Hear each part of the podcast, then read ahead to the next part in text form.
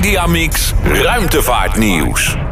En inderdaad, we gaan naar de ruimtevaart. Het is weer de hoogste tijd om met Erik Laan bij te gaan praten op het gebied van de ruimtevaart. Erik, welkom. Dank je, Wim. Er is uh, weer heel wat gebeurd sinds onze vorige uitzending. Je was eh, begin november hier en uh, je hebt uh, toen wij het hadden over het feit dat je vanavond zou komen, wat onderwerpen aangeleverd. Maar er is ja. veel gebeurd, zeg. We kunnen wel de hele dag hier zitten. ja, we nee, gewoon. Er is, ontzettend, er is ontzettend veel gebeurd in de ruimtevaart Precies. de afgelopen weken. Laten we beginnen met, ik denk, het belangrijkste nieuws. De Chinezen hebben de achterkant van de maan ontdekt. Ja. Zo kan je het wel stellen. Zo is het, de achterkant van de maan. En niet de donkere kant van de maan. Er zijn heel veel Wat is het verschil ertussen? Nou ja, kijk, de donkere kant, uh, die wordt niet belicht door de zon. En maar op een gegeven moment, als je naar de maan kijkt, dan zie je op een gegeven moment een, een, een volle maan. En dat betekent dat de achterkant donker is.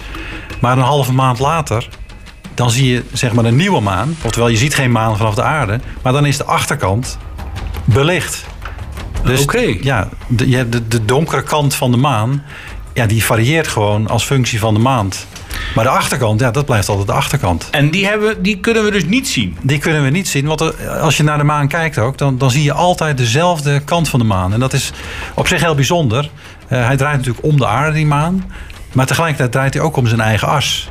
Ja. En dat komt omdat in al die miljoenen jaren is die, is die draaienergie van die maan om zijn eigen as is eigenlijk opgeslokt door de aarde. Door eb en vloed van, uh, van de zeeën en allerlei magma. Uh, contracties in, in de aarde hebben gezorgd dat die, die draaiingsenergie van die maan verdwenen is.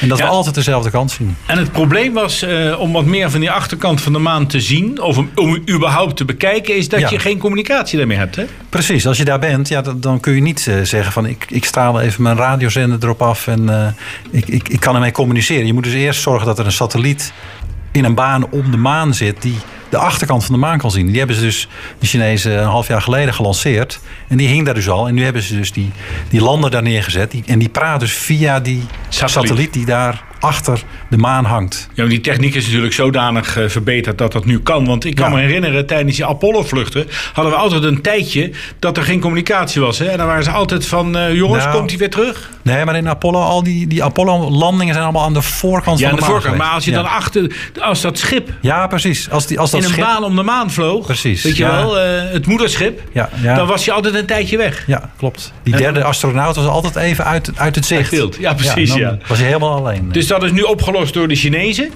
Um, wanneer zijn ze precies geland? Oeh, wanneer zijn ze precies? Ik denk twee weken geleden of zo zijn ze geland. Uh, en, en ze zijn in een krater terechtgekomen, hè? de Von ja, krater. Ja, dat is de grootste krater in het, in het zonnestelsel, 2500 kilometer diameter. En dat is een hele bijzondere krater, uh, want die heeft ervoor gezorgd. Er is een, op een gegeven moment een, een planetoïde is gebotst met de maan. En die krater heeft, uh, die daaruit is gekomen, die laat eigenlijk een, een beeld zien van de maan wat heel diep op de maan zit. Hè. De, de, de mantel van de maan is daar zichtbaar. Ja, want ik begreep dat die krater ook 12 kilometer diep is. Ja, klopt. Dat is dus dieper ja. dan onze hoogste berg, de Himalaya. Klopt, ja, dus dat is een hele, hele mooie plek om echt in het eigenlijk in de, in de binnenkant je van de maan. kijkt een beetje in de kern van de maan. Precies. Hè? Ja, en dat, dat is ook de reden dat je daar uh, ja, wetenschap wil doen om te kijken wat daar uh, allemaal uh, te zien is. En die. Um, die Chang'e 4 is dus geland op. Um, of in die uh, Von Karman-krater. En er is ook een rover, geloof ik, losgekoppeld, hè? Ja, die zo heet de YouTube. U2 2, want ze hebben het al een keer eerder gedaan. Uh, een paar jaar geleden hebben ze aan de voorkant van de maan geland. Maar ook met zo'n kleine rover. Nu ze, hebben ze dat uh, op, opnieuw gedaan. En die rover, ja, die is, er, die is van die lander afgereden. Die is nu een beetje aan het rondrijden. En uh, overal wat metingen aan het doen aan het gesteente. Want wat gaan ze daar precies doen? Ik begreep ook iets van biologische experiment of zo? Ja, er zit ook een biologisch experiment aan boord. Dat is niet zo heel schokkend hoor. Het is natuurlijk symbolisch wel bijzonder dat je daar uh, levend materiaal heen brengt. Om te kijken hoe dat zich uh, ja, verhoudt ten opzichte van die omstandigheden bij de maan. Maar echt de belangrijkste wetenschappelijke resultaten worden verwacht van een, van een, uh, een sonar, een, een radarinstrument dat onder, dat, onder die lander zit. En die gaat kijken in de bodem van de maan. En je bent er dus al heel diep in de maan eigenlijk, die, die 12 kilometer. Die, maar met die sonar gaan ze nog een stuk nog, dieper nog kijken met die uh, en, wat willen ze daarmee bereiken? Willen ze dan kijken wat de samenstelling is van de kern van de maan? De, onder andere hoe die, hoe die maan precies is opgebouwd. En uh, kijk, dat is heel belangrijk voor het ontstaan natuurlijk van de aarde en het zonnestelsel. Hoe is dat precies ontstaan? Want dat is nog, eigenlijk nog best wel een wetenschappelijk mysterie. Ja. Van hoe is die maan nou zo ontstaan? Want wat we hebben verder niet zoveel aan de achterkant van de maan. Hè? Want we kunnen er verder weinig mee eigenlijk. Nou ja, uiteindelijk eh, kun je daar uh, hele bijzondere radioastronomie ook doen. Ja, want je bent daar dus uit het zicht van de aarde. Met alle radiogolven die ook Den Haag FM uit, uitstuurt. Ja, dankjewel. Ja, je kunt daar echt helemaal niks horen van de aarde. En echt naar het pure signaal kijken van, van, van, van, van, de diepste krochten van het heelal. Dat, dat is wat ze daar gaan doen. Oké, goed. Uh, dan gaan we naar een ander belangrijk uh, evenement. Wat natuurlijk ook uh, toch wel heel erg veel in het nieuws geweest is. De New Horizons. Ja, New Horizons. Dat is een zonde die is in 2006 gelanceerd richting Pluto. Op een hele zware Atlas V raket. Een hele klein ruimteschip. Dus die heeft een enorme slinger gekregen richting Jupiter. En is toen in 2015, in negen jaar heeft hij erover gedaan om bij Pluto aan te komen. En die is daarna zeg maar, langs Pluto uh, gevlogen. En die, die gaat met een, een snelheid van 17 km per seconde. Is hij uiteindelijk bij een, het zogeheten Kuiperbelt-object Ultima Thule aangekomen. Ja, ik begreep dat hij toen hij langs Pluto is geweest. hebben ze hem in een winterslaap ge, ja. ge, ge, gezet. Hoe, wat, wat, wat, wat bedoelen ze daarmee? Dat de communicatie uit is gezet? Ja, de communicatie is uitgezet. En alle, alle, alle systemen zijn eigenlijk uitgezet om gewoon maar even de batterij te sparen. Maar hoe kan je er weer opnieuw contact krijgen? Dan moet er toch iets nog werken. Ja, nee, er bestaat altijd een soort van uh, radioverbinding. Heel basis. Uh, met een piepje één keer in de zoveel dagen. Een soort batterijlamp. Ja, precies. om hem toch weer uh, te kunnen opwekken. En dat is gelukkig gelukt. En hij is nu langs, die, langs dat object gevlogen. Ja, en die Ultima Thule, wat is dat precies voor ruimteobject? Ja, dat, dat uh, wordt een, een planetoïde genoemd. En ja, er is een hele klassificatie eh, van allerlei eh, objecten in het zonnestelsel. En Ultima Thule is een zogeheten Kuiperbelt-object. En dat betekent dat het in een afstand van zo'n 30 tot 50 astronomische eenheden van de zon zit. Pluto is ook een Kuiperbelt-object. En Ultima Thule is er ook. En het is een heel kleintje. Het is 31 kilometer groot. En je moet bedenken, als je daar dus met een snelheid van 17 km per seconde langs vliegt, dan heb je misschien maar een half uurtje om daar even naar te kijken. Dan ben je er weer voorbij. En dan ben je er weer voorbij. En dat hebben ze dus echt een paar jaar hebben ze daar, zijn ze bezig geweest om, om precies goed de langs te vliegen. Hè? Want dat is best wel knap eigenlijk. Ja, dat is best wel knap om dat uh, heel nauwkeurig te doen. En hij is nu weer verder naar een volgend object aan het uh, vliegen? Hij is nu verder gevlogen en ze zijn nu aan het kijken van waar hij nog meer langs zou kunnen vliegen. Ja, want um, ho hoe ver staan deze objecten van de aarde af? Nou, hij is nu, die, uh, die New Horizons is nu ongeveer op 68 uh, sorry, 6,8 miljard kilometer 6,8 miljard ja. kilometer. Het is naast de deur. Hè? Ja. ja. precies. Dus als het, het radiosignaal, signaal van, die, van, die, van, van het ruimteschip, als dat richting aarde wordt gestuurd, doet het er ook zo'n 8 tot 9 uur over voordat het aankomt. Dat het hier is. Ja, want de lichtsnelheid 300.000 kilometer per seconde. Ja. We praten met Erik Laan hier in de Mediamix op Den Haag FM, onze ruimtevaartdeskundige. En even een vraag van een luisteraar, Erik. Um, kan je in het kort even uitleggen wat het verschil is tussen een planetoïde, een meteoor en een komeet? Want dat is soms een beetje onduidelijk. Ja, ja en er hoort misschien nog iets bij. Planeet, hè. we hebben de planeten.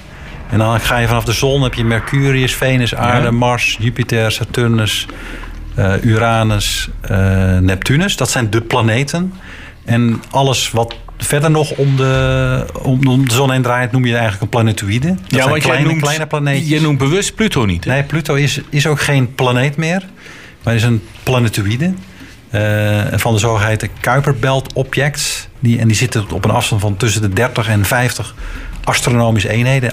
Eén astronomische eenheid is de afstand van de zon naar de aarde. En Pluto staat ongeveer zo'n 40 keer verder weg vanaf de, vanaf de zon dan de aarde. Dus dat zijn planetoïdes. Dat zijn eigenlijk niet de planeten, maar de, de kleine planeetjes. Zo kun je ze wel noemen. Uh, dan had je nog een meteoor. Nou, dat zijn in feite ook planetoïden. Maar die zijn groter? Uh, nee, iets kleiner. Oh, nog kleiner? Kleine, kleine, kleine rotsblokken. Oké. Okay. Uh, en op het moment dat die de aarde raken en in de atmosfeer komen... Uh, dan praat je in feite over meteoor, een vallende ster. Dan ja, zie je meteoor. Uh, een, een, een, streep. En als ze op de aarde geland zijn, zijn ze een meteoriet. Dan zijn ze een meteoriet geworden. Ja. ja. Ja, okay. ja dus dat, dat, is ook nog wel eens verwarrend. Ja, precies. en dan heb je ook nog kometen. Ja? En dat zijn uh, objecten die maken een, een zogeheten ellipsvormige baan om de, om, om de zon. Want al die planeten die maken mooie, bijna cirkelvormige banen. Maar zo'n komeet die kan wel op, op duizend astronomische eenheden zitten. En dan naar de zon toe vallen. Heel, langs, heel dicht langs de zon vliegen. Dan krijg je een mooie staart. Omdat al dat komeetmateriaal. Het is eigenlijk een vieze sneeuwbal. Die in de buurt van de zon komt. En uh, dan zie je een prachtige staart. En dan zwiept die weer weg naar duizend astronomische eenheden. Dat zijn, en er zitten ja, miljoenen, miljarden van die kometen zitten heel ver vanaf de zon. En af en toe valt er eentje terug uh, naar de zon. Oké, nou dan gaan we terug naar een planetoïde. En dan gaan we het even hebben over eh, de planetoïde Bennu. Bennu, ja. Klopt. Wat is Bennu? Nou, Bennu is ook, uh, zoals je zegt, zo'n planetoïde die om de zon heen draait. Uh, het is een vrij klein uh, object. en je moet er maar eens plaatjes van zien. Dit is een soort vierkant vierkante bal eigenlijk. En daar zijn de Amerikanen zijn in 2016 hebben ze de Osiris Rex ruimteschip heen gestuurd. En die is daar inmiddels aangekomen en is nu in een baan om die planetoïde. En die, daar zijn ze foto's van het maken. En ze gaan daar binnenkort, ik weet niet precies wanneer, gaan ze echt landen op die planetoïde. Gaan ze een sample van het oppervlak pakken. En in 2023 moet dat sample of dat monster weer terug zijn op aarde voor verder onderzoek. Dat is wel interessant. Ja. En dat, uh, hoe ver staat die uh, planetoïde Bennu? ik vermoed, ik heb dat niet opgezocht, maar ik vermoed dat hij ergens tussen Mars en uh, Jupiter ergens zit. En want de hele, overal vind je ze wel. Er zijn echt miljarden van die, van die objecten. Maar de, de meeste van die objecten zitten tussen Mars en Jupiter, de zogeheten ja. planetoïde gordel. Planetoïde gordel. Ja, ja, precies. Ja. En dit is niet de enige. Um, missie die naar een planetoïde gaat? Want ik geloof dat die Japanners ook bezig zijn. Ja, de Japanners die hebben de Hayabusa 2. Uh, en je had ooit ook Hayabusa 1, 2003 was die gelanceerd. Hebben uiteindelijk een heel mini sample teruggebracht naar de aarde van een planetoïde. Dat is niet echt helemaal goed gegaan, dus ze gingen nog een keer. Hayabusa 2 is die uh, genoemd, die missie. En die uh, is, is ook vorig jaar, september ongeveer, aangekomen bij de planetoïde en dat vind ik altijd moeilijk uitspreken. Ryugu is volgens mij hoe je dat uitspreekt. Ja. Ryugu. En inmiddels ook in een baan om die planetoïde gekomen. Het ruimteschip heeft twee landers uh, laten, laten neerstorten eigenlijk op die planetoïde om, om daar te landen. En want de zwaartekracht is heel laag van die dingen. Dus uh, over neerstorten kun je bijna niet spreken. Weet je wat ik bijzonder vond van deze missie vanuit Japan? Dat ze naar iets toe gingen waarvan ze geen flauw idee hadden hoe het eruit zag. Ja, nee, dat klopt. Hetzelfde eigenlijk met die Osiris Rex. Van, er waren ook wel foto's van, van waar die ongeveer is. Maar dan zie je een klein puntje. Ja. Wat er echt in dat puntje zit, ja, dan moet je dan achterkomen door daarheen te gaan. Maar hoe kan je dan precies zorgen dat dat ding daar ook terecht komt? Ja, wat ik zeg, als je daar met telescopen vanaf de ja, aarde... weet je wel waar die staat. Weet je waar die staat. Alleen je ziet niet hoe die eruit ziet, omdat het zo'n klein uh, ding is. Dat is wel bijzonder, want ze hebben van die uh, Ryugu nu inmiddels geloof ik wel wat ideeën hoe dit ding eruit ziet. Hè? Ja, dat hebben ze uitgebreid foto's hebben ze daarvan gemaakt. En zelfs vanaf het oppervlak foto's gemaakt. En uh, ja, het, het, ziet eruit dat ze dus ergens deze maand of volgende maand... dat dat ruimteschip een, uh, eigenlijk een soort van stukje dynamiet laat neervallen op die planetoïde... om te zorgen dat er een ontploffing ontstaat... En dat ze dan daardoor heel veel materiaal van het oppervlak wegblazen. En dat ruimteschip Hayabusa 2 gaat dan richting die krater die ontstaan is... om daar een, ook een sample of een monster op te monster mee te nemen. En om weer terug te brengen naar de aarde. Dus dat is wel interessant. Ja, dat is, dat heel interessant om, uh, om te zien hoe dat gaat uh, gebeuren. Zijn er nog meer missies uh, op, op deze manier die op stapel staan?